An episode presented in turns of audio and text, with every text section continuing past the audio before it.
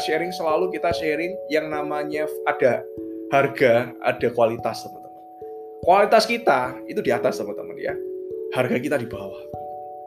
Kualitas kita di atas, harga kita di bawah.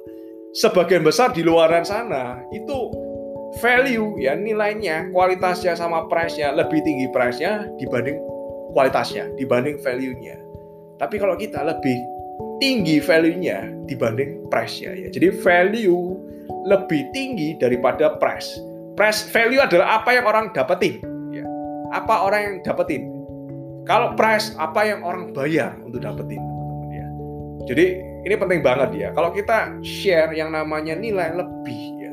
Produk kita itu lebih mudah untuk laris teman-teman. Karena orang akan merasakan saya cuma bayar sekian, ternyata efek yang saya dapat ini jauh jauh jauh di atas daripada nilai rupiah yang saya bayarin. Dan itulah yang terjadi ya, itulah yang terjadi di kita ya. Jadi value di atas price ya. Value di atas price. Jadi teman-teman gak usah khawatir. Pak, saya ini jualan online ya. Tapi saya ketemunya orang-orang tipenya rojoli. Rojali, tipe-tipe rojali. Apa tipe rojali, Pak? Tipe rojali adalah tipe rombongan jarang beli ya. Tanya-tanya doang tapi jarang beli. Tipe rojali, teman-teman ya. Jangan khawatir Kenapa? Karena kalau teman-teman share sesuatu, entah share bisnis, entah share produk yang nilai value ya, value-nya lebih tinggi daripada price ya.